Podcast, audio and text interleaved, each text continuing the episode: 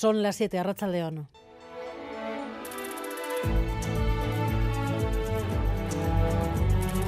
Gambara con Arancha García.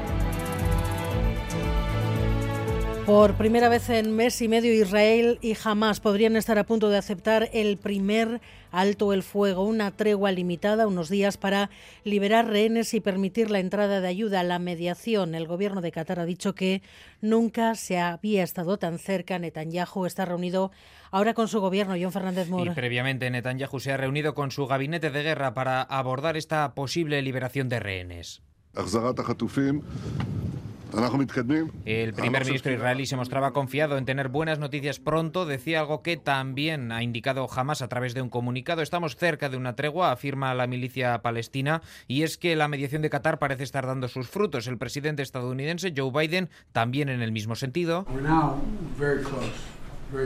Afirma que están muy cerca de la liberación de algunos de los rehenes. Se especula que podrían ser entre 50 y 80 los rehenes que jamás liberaría a cambio de entre 150 y 300 prisioneros palestinos en cárceles de Israel, además de una tregua que podría durar, según diversas fuentes, entre 4 y 5 días. En los próximos minutos u horas podríamos tener más detalles. Pues a la espera de que se confirme esa tregua, las horas previas han sido especialmente duras. Israel se ha cebado con el único hospital que permanecía abierto en el norte de Gaza. Sí, e incluso Jordania asegura haber recibido orden de evacuar el hospital de campaña que ha montado en Gaza. Las imágenes de Al-Shifa con la evacuación de enfermos graves de bebés prematuros han dado la vuelta al mundo, pero la Organización Mundial de la Salud, a través de su portavoz, Christian Lindmayer, ha querido recordar que no solo es Al-Shifa.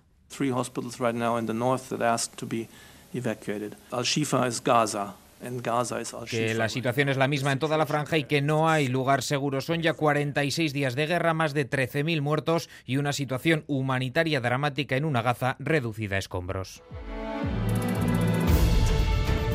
En unos minutos conectaremos con nuestro corresponsal en la zona, Miquel estarán. Esperamos tener noticias, ese anuncio de tregua, aunque sea indefinida a lo largo de esta Gámbara. Hace una semana el Consejo de Ministros encargó al Gobierno vasco la gestión de las obras del túnel del tren de alta velocidad para su acceso a Bilbao. Hoy se ha puesto fecha a esas obras, como poco eso sí terminarán en 2033. Estimamos que la obra pudiera iniciarse mediados finales del año 26 ya aprobado los proyectos, sacada licitación la, obra en base a los proyectos constructivos y la previsión que, que, existe en este convenio es que la obra discurriera hasta el año 2033. ¿Y cómo va el resto de la obra? Pues según los datos del consejero Arriola, los trabajos de la plataforma están ya en la recta final, con previsión de acabarlos en 2027. También avanza la construcción de la nueva estación de Donostia, aunque esta se retrasaría unos meses hasta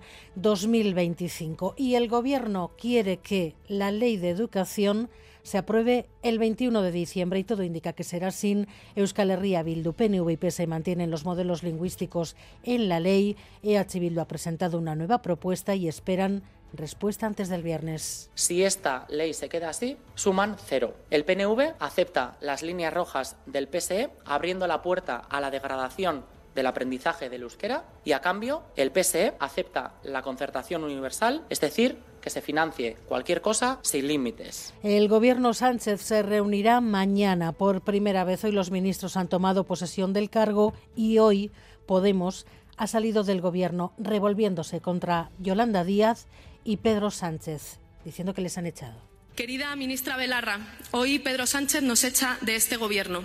Es precisamente por haber hecho lo que dijimos que haríamos, poner las instituciones al servicio del avance en derechos feministas. Pero además de la crisis con Podemos, el nudo gordiano de este arranque de la legislatura sigue siendo la ley de la amnistía y el pulso del Poder Judicial que sigue apretando. El juez García Castellón se ha saltado el criterio de la Fiscalía de la Audiencia Nacional y ha remitido al Supremo la querella contra Puigdemont. Pide que le investiguen por terrorismo. Y en carreteras, eh, varios puntos con problemas hasta ahora. Hay retenciones en el túnel de Malmasín, dirección Bilbao, por un camión averiado que está ocupando uno de los carriles. También retenciones por un camión averiado en Guipúzcoa, en la Guipúzcoa 627, a la altura de Soraluce, sentido Malzaga y los deportes, Edu García, Arrachaldeón. ¿Qué tal, Arrachaldeón? Pues mirando los frontones. Venimos de la final del 4 y medio que se jugó el pasado domingo y hoy se ha presentado ya el Parejas, que va a arrancar este próximo viernes en Azcoitia, con cuatro dúos por cada empresa, con un punto de polémica porque Unai Lasso, uno de los delanteros estrella de Baico, ha asegurado que no le han atendido en su propia promotora a la hora de poner un zaguero de más calidad que Aranguren para afrontar un campeonato en el que además no va a entrar en la primera jornada porque sigue lesionado y con un primer partido que se va a jugar ese próximo viernes en Azcoitia, Peyo Echeverría y Zabaleta, campeón el año pasado, contra Ezcurdia y Xavi Tolosa. La final prevista para el 31 de marzo en el frontón Navarra Arena y Unai Lasso y Joaquín Altuna van a entrar más tarde en la competición, están lesionados, todavía no están en condiciones. De momento, en las primeras jornadas van a ser eh, Iker Razabal y Daniel Lezcano quienes jueguen en su lugar. Lo dicho, la final del 31 de marzo prevista para el frontón Navarra Arena. Tristemente puesta en pie, acaricias con los dedos la esperanza muerta, la torpeza y la vergüenza de este año que no fue ese año que esperábamos tener. El código postal influye más en el estado de salud de la población que el código genético. Es la conclusión de un estudio realizado en Navarra que constata el impacto de las desigualdades sociales y económicas en la salud física y mental. Hoy en Arangoa. El estudio evidencia un peor estado de salud en la población con menor nivel de renta y constata una mayor prevalencia de padecer obesidad, diabetes o algún trastorno mental en quienes ingresan menos de 18.000 euros al año.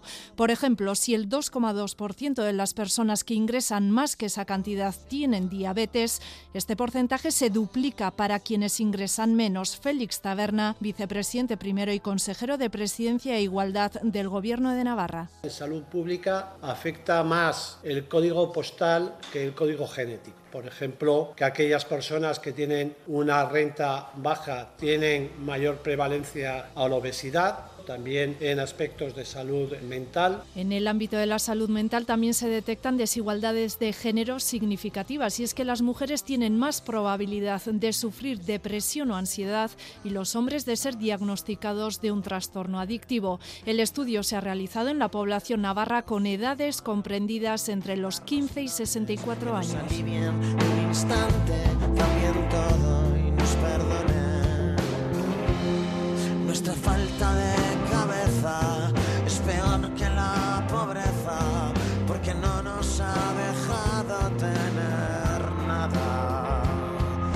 Este amor se apaga como se apagan los latidos de tu amor. Miguel Ortiz y Alberto Subeldía están en la dirección técnica, Cristina Vázquez en la producción.